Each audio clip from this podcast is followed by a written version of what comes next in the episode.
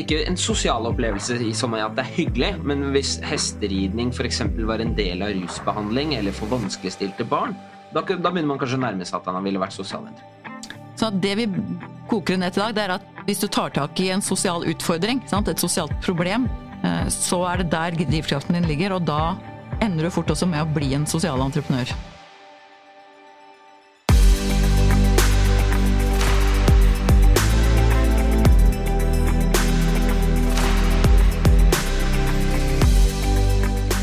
Du lytter på Impactpodden, en podkast om gründere og sosialt entreprenørskap. Podkasten presenteres av Ferd sosiale entreprenører, og jeg er Katinka Greve Leiner. I denne sesongen av Impactpodden så har jeg invitert to ekte gründere til å være vertskap sammen med meg her i studio. Og etter 20 år i arbeid med gründere, så er jeg teoretisk veldig sterk på hva som kreves eh, av eh, noen som har lyst til å starte opp. Men disse to her, de har også stått i det og de har kjempa seg gjennom både opp- og nedturer. Lise Arvesen og Chris Klemtvold Sandvik de har akkurat den entusiasmen og kraften i seg som gjør at vi er mange som stortrives å jobbe med dem, og ikke minst å jobbe for dem. Og begge har da etablert en bedrift som krasja, men de har også opplevd suksess og det å skape en bedrift som vokser seg stor. Nå jobber de imidlertid som forretningsutviklere i Impact Startup. Det er akseleratoren som Ferden starta for noen år siden, og sammen med dem så skal vi i denne sesongen av Impactpodden gi deg tips om feller du kan unngå, og smarte ting du kan gjøre for å lykkes som gründer og entreprenør. Og ikke minst skal vi lære av feil og smarte ting som Lise og Chris har gjort. Og kanskje skal vi til og med utfordre deg som hører på, til å tenke gjennom om dette er et løp du har lyst til å begi deg inn på? hvis du ikke allerede har starta og trenger litt ekstra drahjelp av oss. Men Lise, du etablerte Virevap allerede i 1999, du. Hva var det du drømte om den gang? Tilbake i 1999 så drømte jeg faktisk om å kombinere det å være nybakt tobarnsmor med det å starte opp egen bedrift. Og jeg hadde før oppstarten av Virevap egentlig et skikkelig digg liv. Jeg var fast ansatt i et stort selskap. Fløy Europa rundt på første klasse SAS, hvis dere husker tilbake. Eh, det var eh, hvite servietter og ordentlig bestikk, og champagnen fløt. Det sa jeg opp, denne stillingen. Den forsvant fordi drømmen min var altså det her, å bli min egen sjef. Jeg hadde sett at franske barneklær, det fantes ikke i Norge. Så import av det kombinere det med salg på Homeparty, og også egen nettbutikk, faktisk, allerede i år 2000, det ble forretningsideen. Og det gikk som ei kule fra 300 000 første høsten vi holdt på, vi to som starta. 3 millioner andre år, 6 millioner, 9 millioner. Så du skjønner, det var skikkelig, skikkelig moro. Her hører at det er mye mat, både for eh, opp- og nedturer eh, vi kan grave i videre. Men du er jo nå altså da forretningsutvikler i Impact Startup, og bruker dine erfaringer til å hjelpe andre. Og i den samme Impact Startupen så finner vi også Chris. Tidligere fra medarbeiderne, og vi har hatt det her på Impact-podden i forrige runde, med et dypdykk inn i medarbeideretableringen. Betyr det Chris, at du har slutta medarbeiderne, eller er det de som har kasta deg ut, eller hvorfor driver du som forretningsutvikler? Nei, Jeg ble ikke kasta ut, jeg kasta ut meg sjæl. Eh, for jeg tenkte at eh, jeg skal være leder av medarbeiderne som jeg har gründa så lenge jeg er den beste lederen, eh, i hvert fall i mine egne øyne. Og den dagen jeg ikke utvikler meg som leder lenger, eller på en måte ikke Jeg opplevde at jeg stagnerte litt. da, liksom jeg jeg irriterte meg over de samme tingene og, og klarte etter hvert ikke liksom å, å få forandra på ting. Sånn, det var sånn pappesker som lå i gangen når jeg kom inn, som ingen rydda vekk. Og da liksom merka jeg at når jeg henger meg opp i sånne detaljer, da kan jeg ikke være leder lenger. Og, og da gikk jeg til styreleder og sa at nå må vi finne noen bedre til å lede medarbeiderne, og nå har vi funnet Kristin, som leder medarbeiderne kjempebra, og så har jeg gått videre til å bl.a. lære bort alle de tingene som vi har lært i medarbeiderne, både til andre gründere som skal starte det samme, og til større bedrifter som kanskje kan jobbe bedre med arbeidsinkludering. Og Du har jo helt tydelig hatt den sosiale drivkraften hele veien, Chris, med å ta tak i de som da har vært gjennom ganske tung rus, og hjelpe dem inn i arbeidslivet igjen.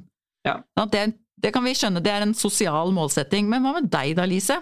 Franske barneklær, eh, hvor sosialt er det egentlig? Eh, nei, ikke spesielt sosialt, vil jeg si.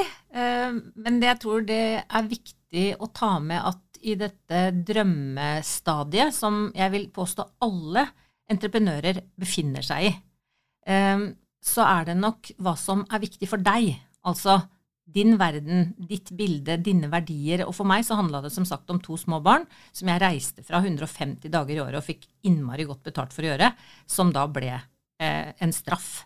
Sånn at veivalget mitt den gangen var egentlig veldig personlig, og jeg vil jo si at det var ganske sosialt, da, med to sånne små som faktisk fikk muligheten til å være eh, vokse opp på lageret eh, på Virrevapp. Og det husker de veldig godt.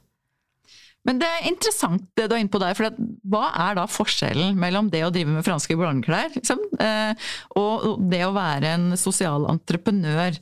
Eh, hva tenker du rundt det i dag, Chris, du? Eh, jeg tenker at altså, det, er sånn, det er noen som sier at det skillet mellom sosialentreprenører og vanlige bedrifter handler om at vanlige bedrifter bare er opptatt av å tjene penger, men sånn er det ikke. For jeg tror ikke det var bare pengene som drev Lise når hun starta med barneklær. Jeg tror det handla om å få de barneklærne ut på markedet. Og når faren min driver hestesenter, så er det fordi han er glad, for, glad, i å få folk ut i naturen med hest. Så tror jeg det skiller ved at sosialentreprenøren brenner for en eller annen sosial målsetting. Eh, Anne Stine generasjon M brenner for å skape møter mellom ungdom og eldre som bor på sykehjem. Eh, jeg brenner for å skape arbeidsplasser for folk med rusbakgrunn, og Regine Imal brenner for at førsteklassinger skal lære å lese og skrive på en bedre måte.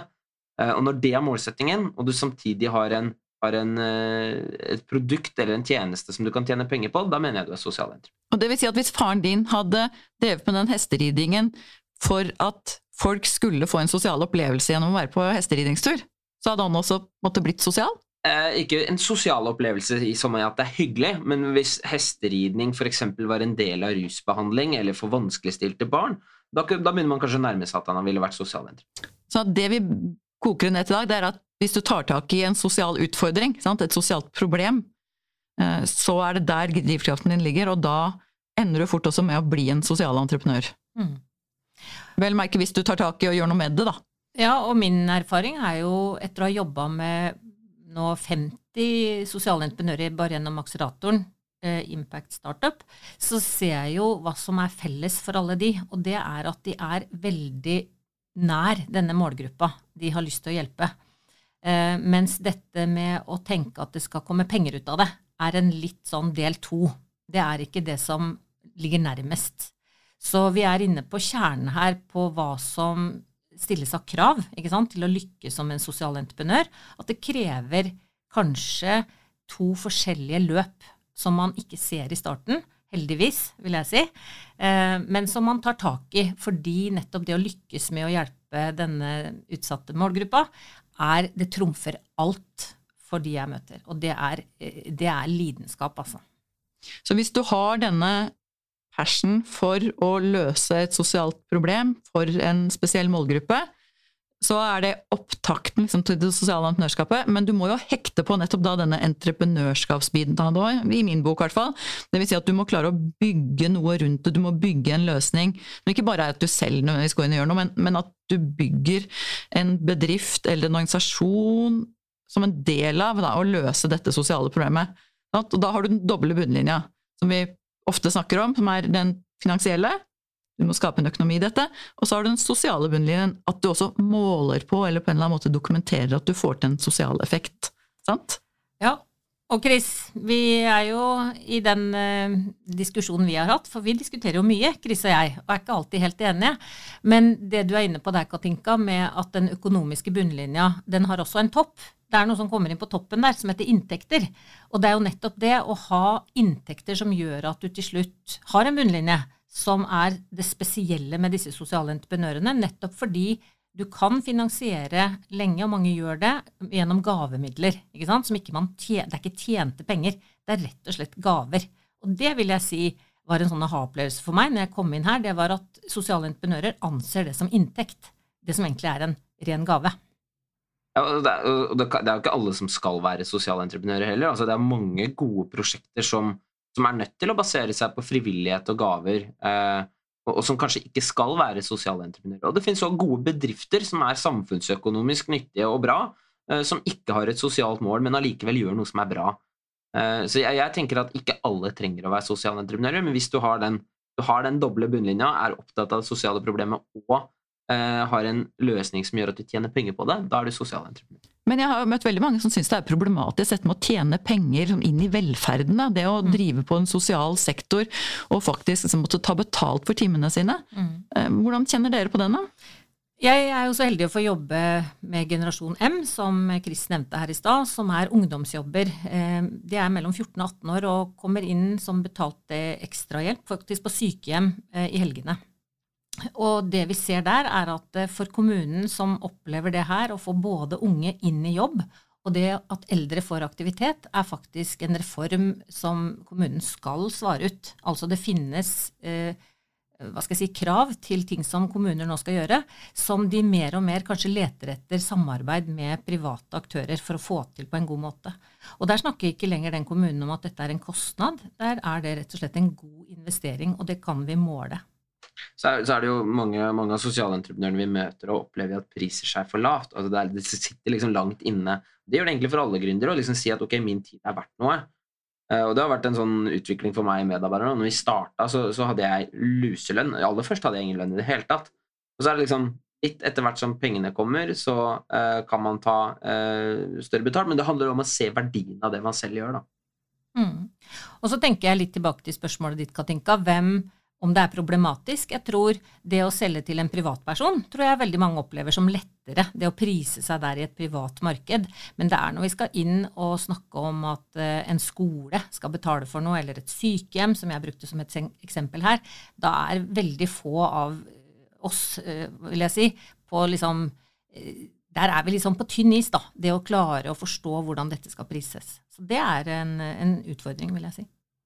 Men der ser vi at flere og flere sosiale entreprenører peker på den kostnaden det har for samfunnet hvis problemet ikke blir løst.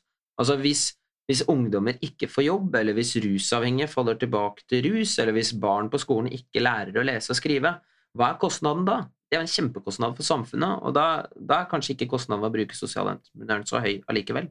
Så man må faktisk tørre også som sosial entreprenør å kreve penger for timene sine. Mm.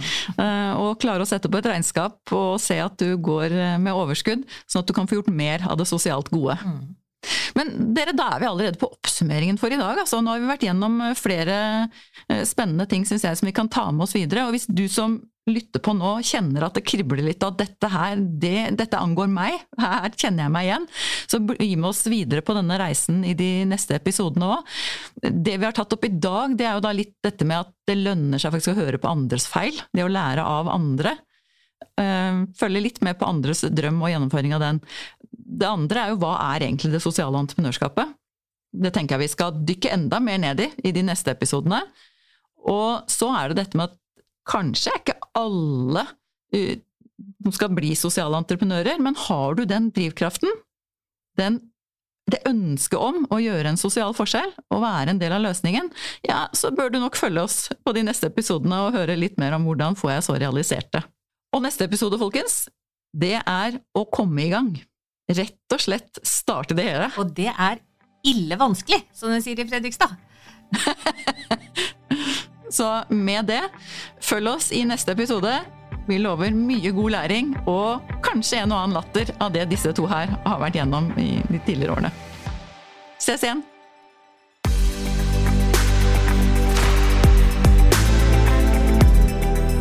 Du lytter på Impactpodden, en podkast om gründere og sosialt entreprenørskap.